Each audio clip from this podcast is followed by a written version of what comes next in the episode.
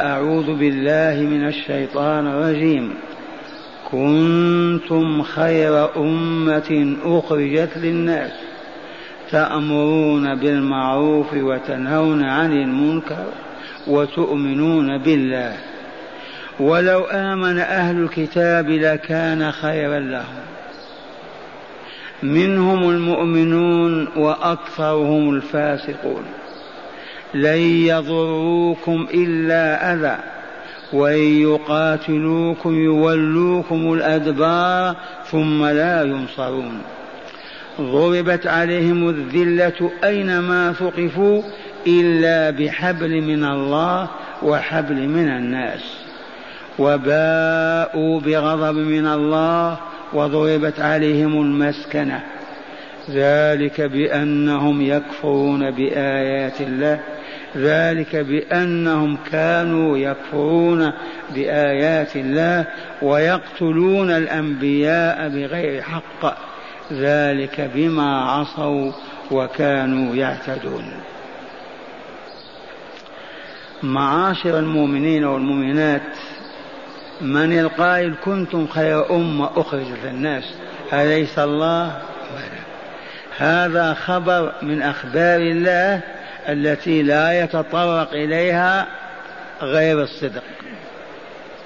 يخبر تعالى مبشرا مهنئا هذه الأمة بأنها خير أمة أخرجها الله للناس. فما وجدت على وجه الأرض أمة سمت ووصلت إلى ما وصلت هذه الأمة الإسلامية في الخير وعلو الدرجة. وفضل الله يؤتيه من يشاء والله ذو الفضل العظيم. كنتم هنا بمعنى وجدتم خير أمة أخرجت للناس. والمخرج لها هو الله عز وجل. والناس لفظ يشمل البشرية كلها. عربها وعجمها وأولها وآخرها على حد سواء. ثم بين وجه الخيرية وكيف اكتسبناه وظفرنا به وحصلنا عليه. قال تأمرون بالمعروف وتنهون عن المنكر وتؤمنون بالله.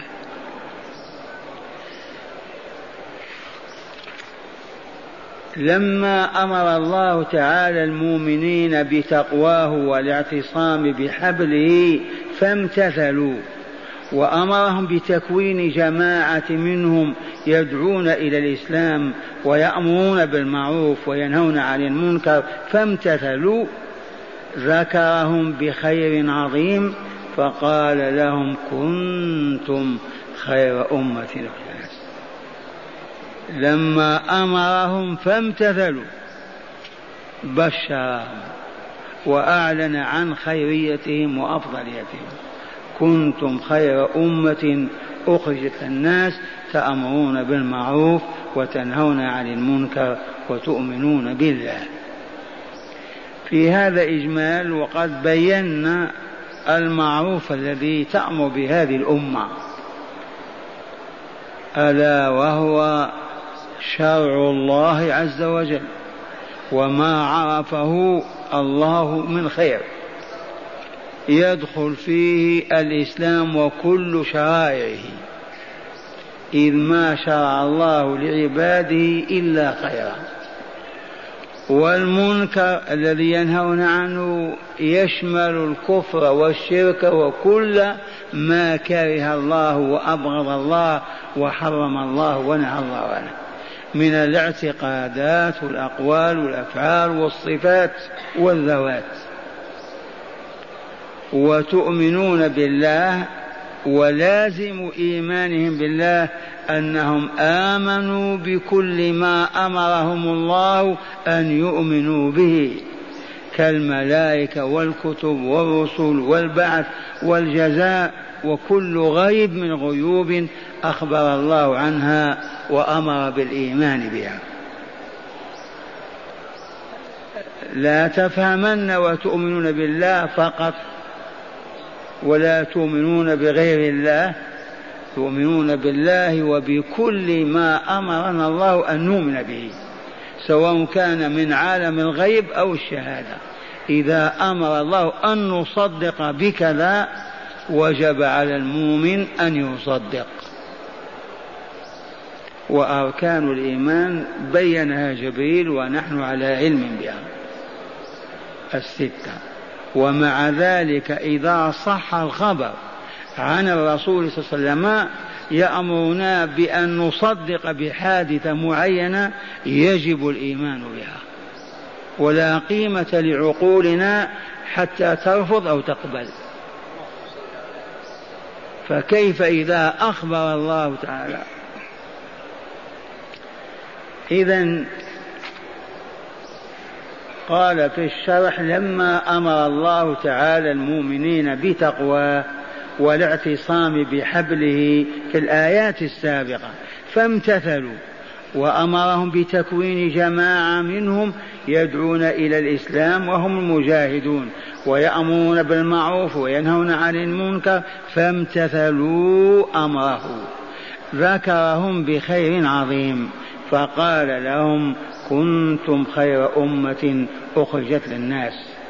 كما قال لهم رسول الله صلى الله عليه وسلم كنتم خير الناس للناس.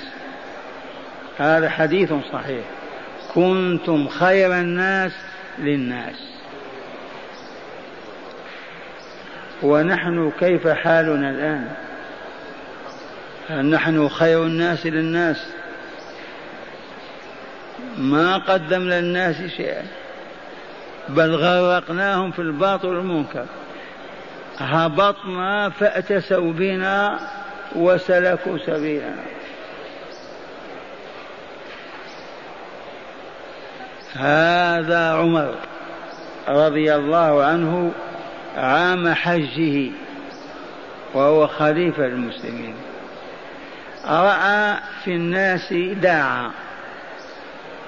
وقعود فقرأ هذه الآية كنتم خير أمة أخرجت للناس تأمرون بالمعروف وتنهون عن المنكر وتؤمنون بالله ثم قال من سره وأفرحه وأثلج صدره أن يكون في هذه الأمة فليؤدي شرط الله فيها من سره أيها المؤمنون أن يكون في هذه الأمة الممدوحة المعنى عن كمالها فليؤدي شرط الله فيها.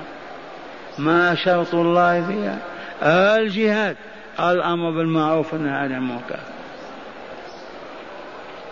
لما كنا نجاهد ونغزو ونفتح ونعلن عن كلمة لا إله إلا الله والبشرية تدخل فيها وتجلى للبشرية صدقنا وعدلنا ورحمتنا وإحساننا وكمالاتنا انجذبوا إلى الإسلام ودخلوا فيه.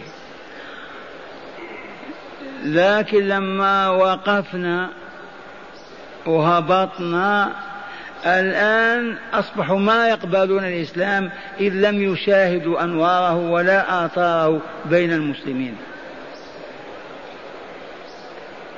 هل نبقى هكذا أو نحاول أن نعود إلى ما كنا؟ الواجب أن نحاول. والطريق ما زلنا لا نعدله هو أن نخلص. قلوبنا ووجوهنا لله ونطرح بين يدي الله نبكي في بيوته بنسائنا ورجالنا. ونتلقى الكتاب والحكمة.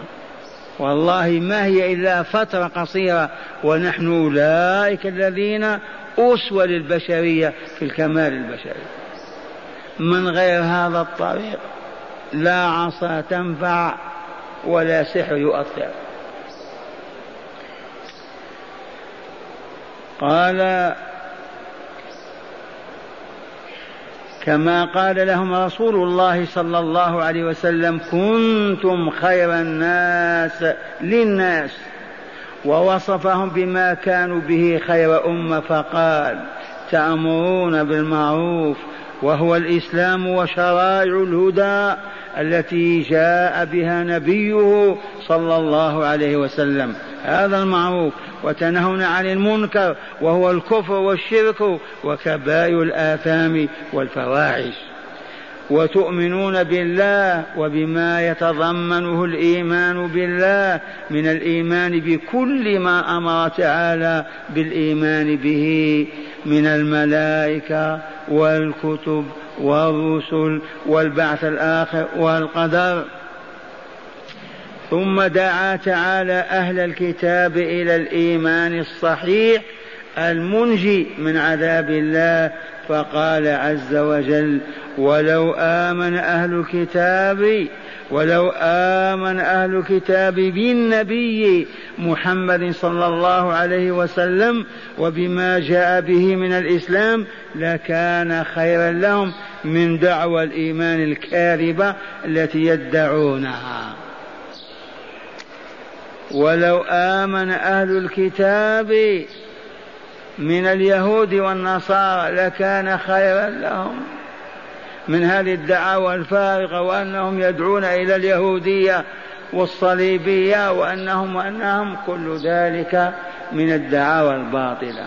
وهذا الله عز وجل الحكيم العليم يقول لهم ولو آمن أهل الكتاب بالنبي محمد صلى الله عليه وسلم وبما جاء به عن الله من هذه الشرائع وهذه العبادات والقوانين لكان خيرا لهم مما مما هم عليه من دعوى أنهم يؤمنون وأنهم موقنون وانهم وانهم وهو كله كذب باطل. هذا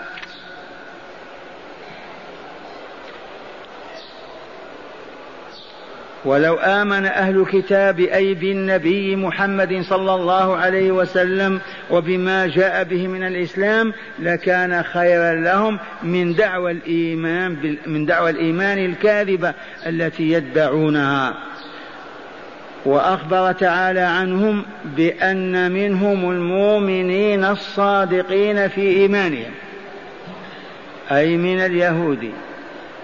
ودخل من النصارى ملايين. لكن والآيات تنزل بالمدينة في إيمانهم وذلك كعبد الله بن سلام وأخيه. وثعلب بن سعيد وأخيه. هؤلاء من يهود وعلماء المدينة آمنوا وأكثرهم الفاسقون. الذين لم يعملوا بما جاء في كتابهم من العقائد والشرائع ومن ذلك أمر الله تعالى بالإيمان بالنبي الأمي واتباعه على ما يجيء به من الإسلام. هذا عندهم في كتابهم. لم ما آمنوا به؟ عرفوه وأنكروا وجحدوا وتنكروا له حتى لا يذوبوا في روح الإسلام. للحفاظ على اليهودية الملعونة المزعومة. أي نعم قال وأخبر تعالى عنهم بأن منهم المؤمنين الصادقين في إيمانهم كعبد الله بن سلام حبر من احبار اليهود وأخيه وثعلب بن سعيد وأخيه وأكثرهم الفاسقون الذين لم يعملوا بما جاء في كتابهم من العقائد والشرائع. من ذلك أمر الله تعالى بالإيمان بالنبي الأمي واتباعه على ما يجيء به من الإسلام. ثم أخبر تعالى أن فساق أهل الكتاب لن لن يضروهم إلا أذى. فساق أهل الكتاب لن يضروا المسلمين إلا أذى يسيرا. كإسماعهم الباطل وقولهم الكذب وأنهم لو قاتلوهم ينهزمون أمامهم مولينهم ظهورهم فارين من القتال هاربين ثم لا ينصرون على المسلمين في أي قتال يقع بين الجانبين. هذا ما أخبر به تعالى في الآية الثانية إذ قال لن يضروكم إلا أذى. مجرد أذى فقط باللسان المهاترات الكريمة وإن يقاتلوكم في يوم ما يولوكم الأدبار يعطوكم ظهورهم وأدبارهم. ولن يقفوا أمامكم.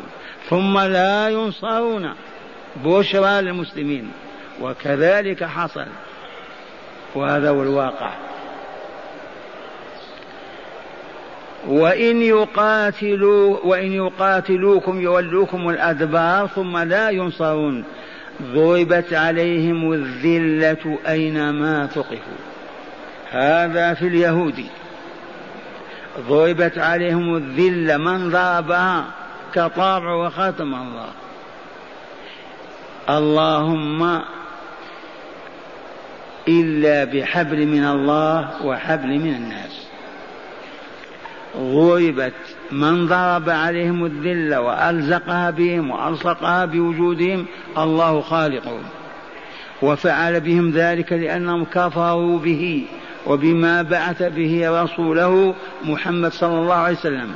بل ولقتلهم الأنبياء ولقتلهم العلماء ولارتكابهم جرائم لا حد لها. أهانهم الله وأذلهم فكتب عليهم ضرب عليهم الذلة أينما ثقفوا حيث ما وجدوا في العالم. وصدق الله العظيم. حيث ما وجد اليهود في العالم فهو أذل من الذليل. إلى أن ارتبطوا بأوروبا وأمريكا كما يأتي في الآية الكريمة. إذ قال تعالى إلا بحبل من الله وحبل من الناس. إذا ارتبطوا بالله ودخلوا في دينه رفع ذلك الذل. ويصبح اليهود من أعز الناس وأكرمهم.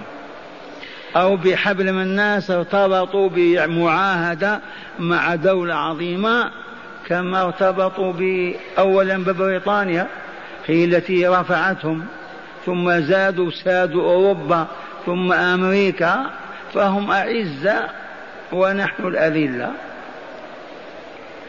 إلا بحبل من الله وحبل من الناس. هذه الآية مخصصة لعموم آية الأعراف.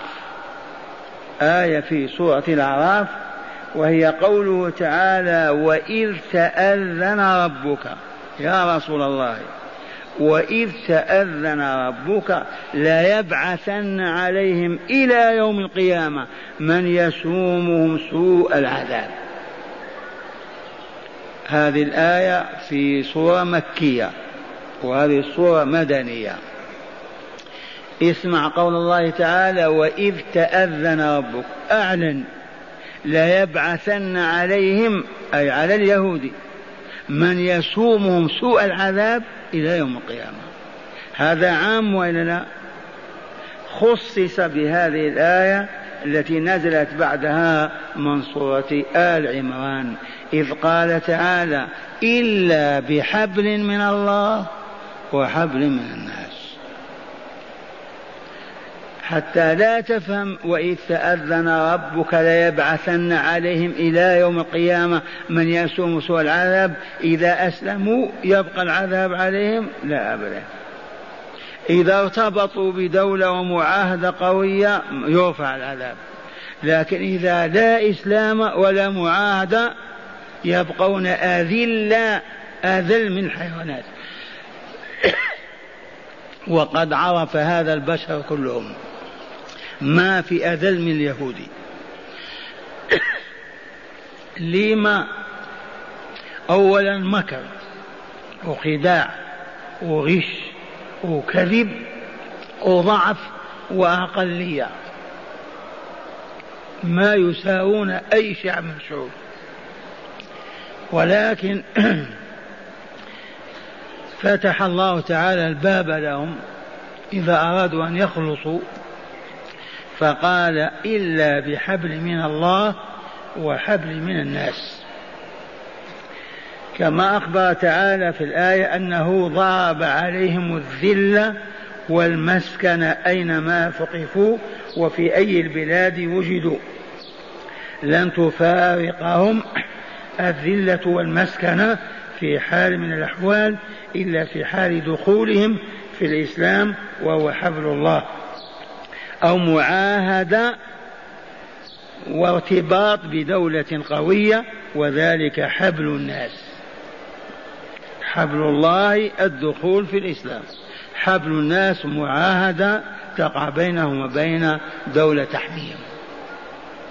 وهذا علمه الله قبل أن يكون. ما كان النصارى يفرحون باليهود. الثابت عنهم تاريخيا أن النصراني المسيحي لا يفتح عينيه في اليهودي ينزه بصره أن ينظر إلى اليهود. بحجة أنه قاتل إلهي الذي يقتل ربك كيف تنظر إليه. ولكن تم ما أخبر الله تعالى به واستطاعوا أن يحتالوا على البشرية فأول ضربة ضربوها أوجدوا المذهب البلشفي الشيوعي الأحمر. والله لهم صانعوه وناسج خيوطه وهم الذين نشروه في العالم. وبذلك خف الضغط عليهم واتسعت رقعة الأرض لهم ورفعوا رؤوسهم. الآن ثلاثة أرباع المسيحيين بلاشفة ومن ثم أصبح اليهود يتعنطر في ألمانيا التي هي مخ الصليبية. وظهرت البلشفية الشيوعية وساقت العالم ووقع الذي وقع وخف الضغط على اليهود. فهمتم هذه؟ والآن لما أدت الشيوعية وظيفتها واستطاعوا أن عوضوها بالعلمانية. كل شيء للعلم. لا دين ولا ولا آل علم فقط. وهكذا يعبثون بالبشرية. وهذا شأن الأمة إذا مدت أعناقها لعدوها. والشاهد عندنا قال كما أخبر تعالى في الآية الثانية عشر بعد المئة أنه تعالى ضرب عليهم الذلة والمسكنة أينما ثقفوا وفي أي البلاد وجدوا. لن تفارقهم الذلة والمسكنة المسكنة الفقر والحاجة والضعف إلا في حال دخولهم في الإسلام أولا وهو حبل الله. أو معاهدة وارتباط بدولة قوية وذلك حبل الناس. كما أخبر تعالى عنهم أنهم راجعوا من عنادهم وكفرهم بغضب من الله. ذاك العناد والكفر الذي عاشوا عليه راجعوا خائبين راجعوا بغضب من الله وما يستتبعه غضب الله من عذاب في الدنيا بحالة الفاقة والفقر المعبر عنه بالمسكنة. وفي الآخرة بعذاب جهنم كما ذكر تعالى عنهم عقوبتهم وأنها الكفر بآيات الله وقتل الأنبياء. كما ذكر تعالى علة عقوبتهم. لما عاقبهم؟ ما العلة في ذلك؟ هي أنه الكفر بآيات الله وقتل الأنبياء بغير حق وعصيانهم المستمر وعنادهم واعتداءهم الذي لا ينقطع. فقال تعالى ذلك بسبب ما عصوا وكانوا يعتدون. كتبنا عليهم ذلك الذل والمسكنة بسبب ماذا؟ بسبب عصيانهم اولا لله ورسوله وثانيا باعتدائهم. بقتلهم الأنبياء والعلماء والجرائم التي لا حد لها. اذا نعيد تلاوة الآية. يقول تعالى كنتم خير أمة أخرجت للناس. من هم؟ نحن إن شاء الله. لا بد بقيه باقيه كل من يامر بالمعروف وينهى عن المنكر ويؤمن بالله وبما جاء عن الله فهو منهم. وكل من تخلى عن الأمر بالمعروف والنهي عن المنكر وتورط في الموبقات والجرائم هبط إن سل منهم. ما هو طابع دائم لأن التعليل واضح. تأمرون بالمعروف وتنهون عن المنكر وتؤمنون بالله. ولو آمن أهل الكتاب لكان خيرا لهم. منهم المؤمنون وهم أقلية كما علمتم وأكثرهم الفاسقون. الفاسقون المتغولون المتوغلون في الفسق. والفسق خروج عن طاعة الله ورسوله. فسقت الفار إذا خرجت من جحرها فكل من خرج عن دين الله فهو فاسق. وقال لن يضروكم إلا أذى. مجرد كلام يقولون. أما أن يقاتلوا وينتصروا على المسلمين؟ فلا لا. وقد وقع هل انتصر اليهود على العرب في حرب فلسطين؟ لو كان العرب هم المسلمين بحق. ما والفلسطينيون يشهدون بأن اليهودية إلى الآن أذل مخلوق ما يستطيع أن يواجه مسلما. لن يضروكم إلا أذى وإن يقاتلوكم ما قال وإذا قاتلوكم قال إن يقاتلوكم. إذا هذا نادر متى يقاتل اليهود المسلمين؟ بعد ما هبطنا هذه الأيام في فلسطين فقط. ليس من المؤمل في أن اليهود يقاتلون المسلمين. قال وإن يقاتلكم باب الفرض لن يضروكم بل يولوكم الأدبار ثم لا ينصرون. ضربت عليهم الذلة أينما ثقفوا أينما وجدوا في الجبال ولا في السهول في أوروبا ولا في العالم. اللهم إلا بحبل من الله وحبل من الناس. ما حبل الله الإسلام. إذا اعتصموا بحبل الله أي دخلوا في الإسلام إيمانا وإسلام وإحسانا أعزوا وكملوا. ما أصبحوا يهودا ولا أصبحوا أهل ذلة ومسكنة. وحبل من الناس هذه ما ننساها. فهم استطاعوا أن يسحروا أوروبا وأن يستولوا على أموالها وعلى وعلى بعد أن مسخوها. لو بقيت الصليبية النصرانية كما هي ذات آداب وأخلاق وعطف ورحمة كما كانت وتبغض اليهود بغضا لا حد له لا نظير له. ما كانوا يستولوا على أموالهم وتجاراتهم ومصانعهم. لكن أولا سحروهم. حولوهم إلى بلاشف حمر ثلاثة أرباع المسيحيين في أوروبا لا يؤمنون بالله ولا باليوم الآخر. ملاحدة. كيف انقلبوا هذا الانقلاب؟ سحر اليهود. إلا بحبل من الله وحبل من الناس وباءوا بغضب من الله. عادوا. مهزومين أذلاء مغضوبا عليهم من الله وضربت عليهم المسكنة الفقر والحاجة. ذلك حصل هذا تم هذا فعلنا هذا لما؟ بأنهم كانوا يكفرون بآيات الله ويقتلون الأنبياء بغير حق. ما قتلوا زكريا؟ ما قتلوا ولده يحيى ما قتلوا عيسى وإن لم يقتلوه ما صلبوا من شبه لهم وقتلوه وإلا لا كأنهم قتلوا عيسى.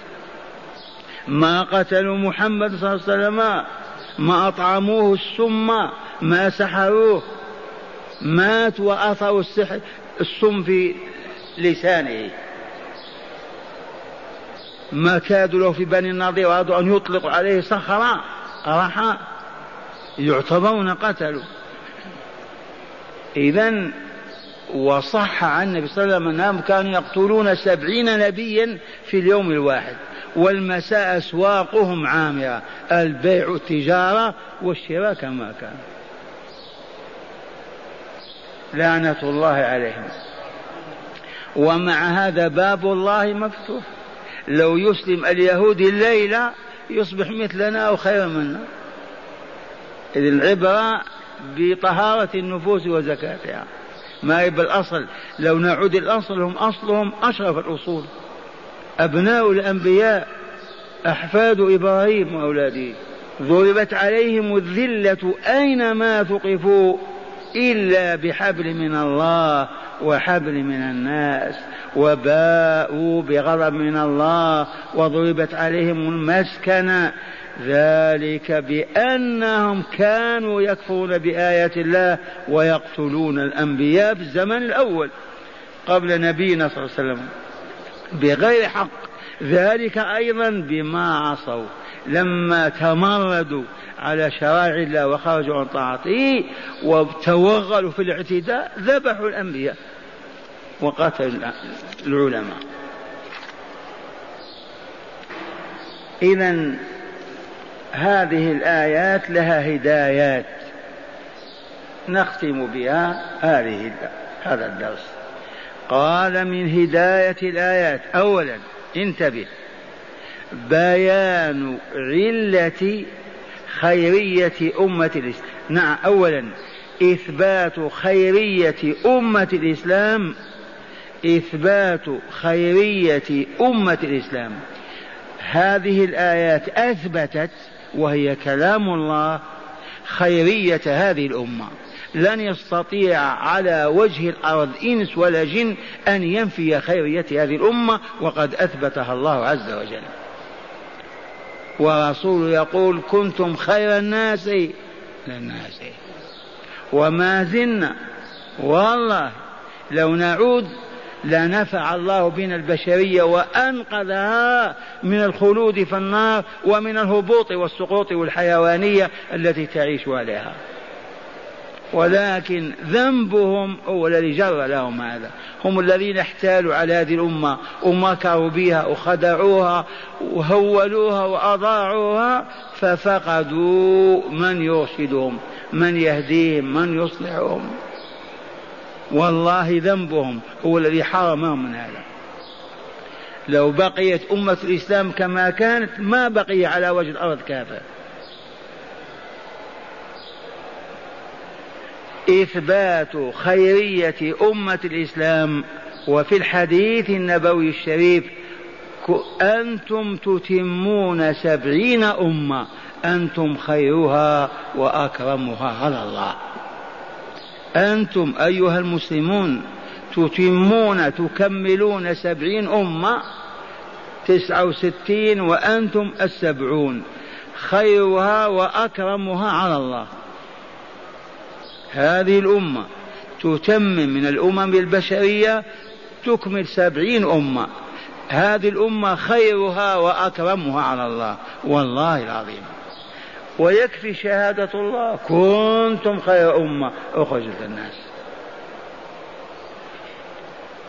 إذا لو أراد من يحاول أن يهبط بهذه الأمة أو ينفي عنها كمالها ما يستطيع. والله يخبر والرسول يقرر. إثبات خيرية أمة الإسلام في القرآن الكريم كنتم خير أمة وفي السنة النبوية أنتم تتمون سبعين أمة أنتم خيرها وأكرمها على الله. الحمد لله. أنبهكم لا تمضوا إلى البشرية وإلى الهبوط وإلى أمتكم. ليعمل كل واحد منا على أن يحقق ما به الخير. يأمر بالمعروف وينهى عن المنكر ويؤمن بالله. لن يمسح منه هذا اللقب أبدا من خير الناس. ثانيا بيان علة خيرية أمة الإسلام. ما هذه العلة؟ قال هي الإيمان بالله والجهاد والأمر بالمعروف والنهي عن المنكر. والجهاد. لما تركنا الجهاد ما أصبحنا خير أمة لأن الجهاد بذل الجهد والطاقة لهداية البشرية. نصل إلى بلادها وندعوها إلى الإسلام. نحتل البلاد وننشر الإسلام. طاعة أم عصت هذه مهمة هذه الأمة لإنقاذ البشرية. إذا بيان علة خيرية أمة الإسلام وهي أي هذه العلة الإيمان بالله. وبكل ما أمر الله أن نؤمن به والجهاد في سبيل الله لنشر راية التوحيد والأمر بالمعروف والنهي عن المنكر في كل مكان من الأرض. ثالثا قال وعد الله تعالى لأمة الإسلام. ما تمسكت به أي بالإسلام ما ضيعت ما فرطت في قاعدة من قواعده ولا ركن من أركانه وعد الله لأمة الإسلام ما تمسكت به إلى يوم القيامة. وعده وعده إياها بالنصر على اليهود في أي قتال يقع بينهم. ولهذا صحنا وبكينا سنين أربعين سنة. وقلنا لو أن إخواننا الفلسطينيين واللهم شاهد لو اجتمعوا وبايعوا إماما منهم وتجمعوا في طرف من الأرض وأقاموا الصلاة وأمروا بالمعروف ونهوا عن المنكر سبع سنين فقط وإذا بهم أولياء الله. وقالوا الله أكبر والله لهزموا اليهود. والله ما أن يتحرك هذا الجيش الرباني حتى يأخذ اليهود في الرحيل. ثم على شرط أيضا لا أنهم فقط يخرجوا اليهود يواصلوا المسيرة إلى أقصى الشرق وإلى أقصى الغرب. ما المانع من هذا؟ أي مانع؟ كانوا يتجمعون عندنا في طرف المملكة في طرف لبنان في طرف سيناء مصر في طرف كذا يتربون نساء ورجالا وأطفالا. يصبح الرجل إذا نظر النور يلوح من وجهه يقومون الليل ويصومون النهار. لا إله إلا الله. ثم يعلنون الله أكبر. والله ثلاث أيام واليهود تشتتوا. ثم يلتفتون. آه يا أهل لبنان تدخلون في رحمة الله وإلا لا؟ قالوا لا إله إلا الله امشي. يا أهل الأردن يا كذا. الله أكبر. ماذا يكلفنا هذا؟ فقط أن نعبد الله بحق أن نسلم إسلاما حقيقيا فقط. أما الآلام والأتعاب ها هي معنا مع الغنى والفقر. وما زال الباب مفتوح. والله. لن يخرج اليهود من أرض فلسطين إلا المسلمون بحق. ولهذا ويلكم أن تقاتلوا اليهود فإنهم يهزمونكم ولا ننسى قول الحبيب صلى الله عليه وسلم لتقاتلن اليهود. يا رسول الله أين اليهود الذين نقاتلهم؟ حفنا ثل طائشاء نقاتل اليهود والإسلام انتشر في الشرق والغرب. قال اسمعوا والله لا تقاتلون اليهود. الله أكبر. تعجب الأصحاب كيف نقول عمر أجلاهم طردهم. لن يبقى يهودي عندنا. وهم أذلة في بلاد الروم وفي غيرها. لكن سيكون لهم شأن ستكون لهم دولة سيكون لهم قوة. إذا ولا بد. لتقاتلن اليهود ثم لتسلطن عليهم. هذه استفدنا منها كلمة سياسية. رددناها أربعين سنة في هذا المسجد. تسلطن عليهم. قلت لو أن العرب أسلموا ودخلوا في رحمة الله في 24 ساعة. المعاهدة التي تربط اليهود في أوروبا يخلعونها. أمريكا لتنصرهم تعلن. كيف؟ تعثر على مؤامرة يهودية على أنهم ينسفون كل أمريكا. يذبحونها. ونظير هذا لما أراد الله أن يذلهم اكتشف هتلر النازي مؤامرة يهودية لضرب ألمانيا. فوالله قاتلهم وتتبعهم وأذلهم في العالم بأسره. قتل منهم ثلاثين ألفا. عرفتم ما سمعتم بهذا ولا ما بقي يهودي في ألمانيا. ما سبب ذلك؟ اكتشف مؤامرة.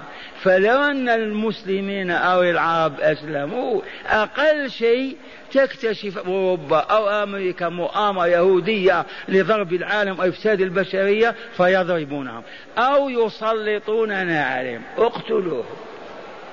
هذا نص الحديث ولا؟ ثم لا تسلطن عليهم. الله هو الفاعل. ثبات ثم لتسلطن عليه فتقتلوهم حتى يقول الشجر والحجر يا مسلم هذا يهودي ورائي فاقتلوه. إلا شجر الغرقد. فإنه شجر اليهود. تعرفون بقيع الغرقد ولا لا الآن ما بقي غرقد الجدب ما في أمطار لكن يوجد الغرقد. هذا الشجر اليهود يحتفون به ويحتفلون وينمونه أكثر من العنب والتفاح إلى الآن لماذا؟ لأنه ما يخبر عنه إذا جاء المسلم يبحث وجد اليهودي يغطي الشجرة ذيك تغطيه ما تخبر عنه والشاهد عندنا هل الشجر يكذب؟ ها؟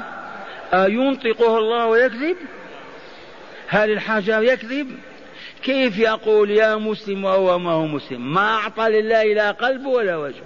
فين الإسلام؟ فهمتم هذه البربرية وإلا لا؟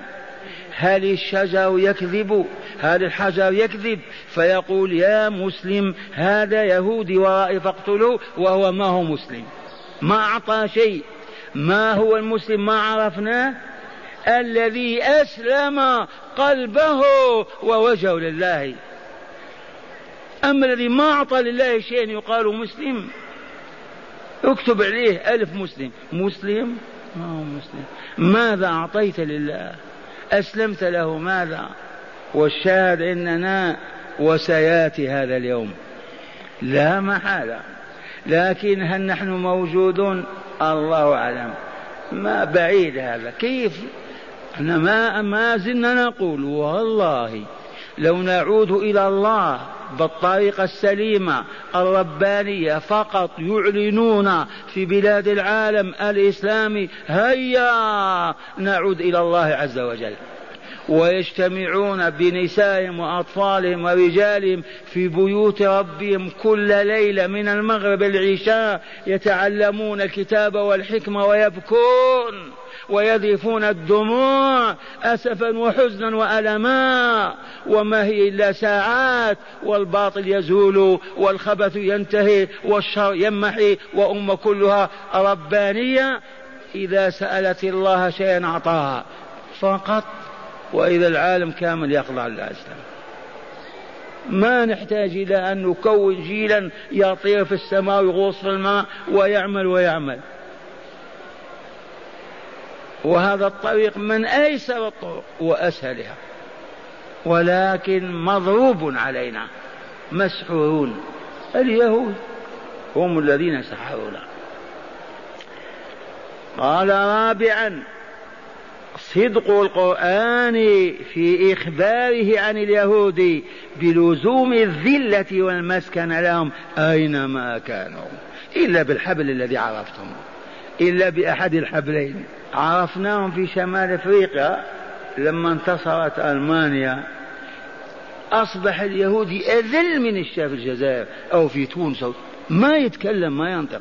ولكن عزوا وانتصروا وارتفعوا لأنهم حولوا الصليبيين إلى بلاشفة ما ننسى هذه الحقيقة. قال صدق القرآن في إخبار عن اليهود بلزوم الذلة والمسكنة لهم أينما كانوا في الشرق أو الغرب. خامسا بيان جرائم اليهود التي كانت سببا في ذلتهم ومسكنتهم.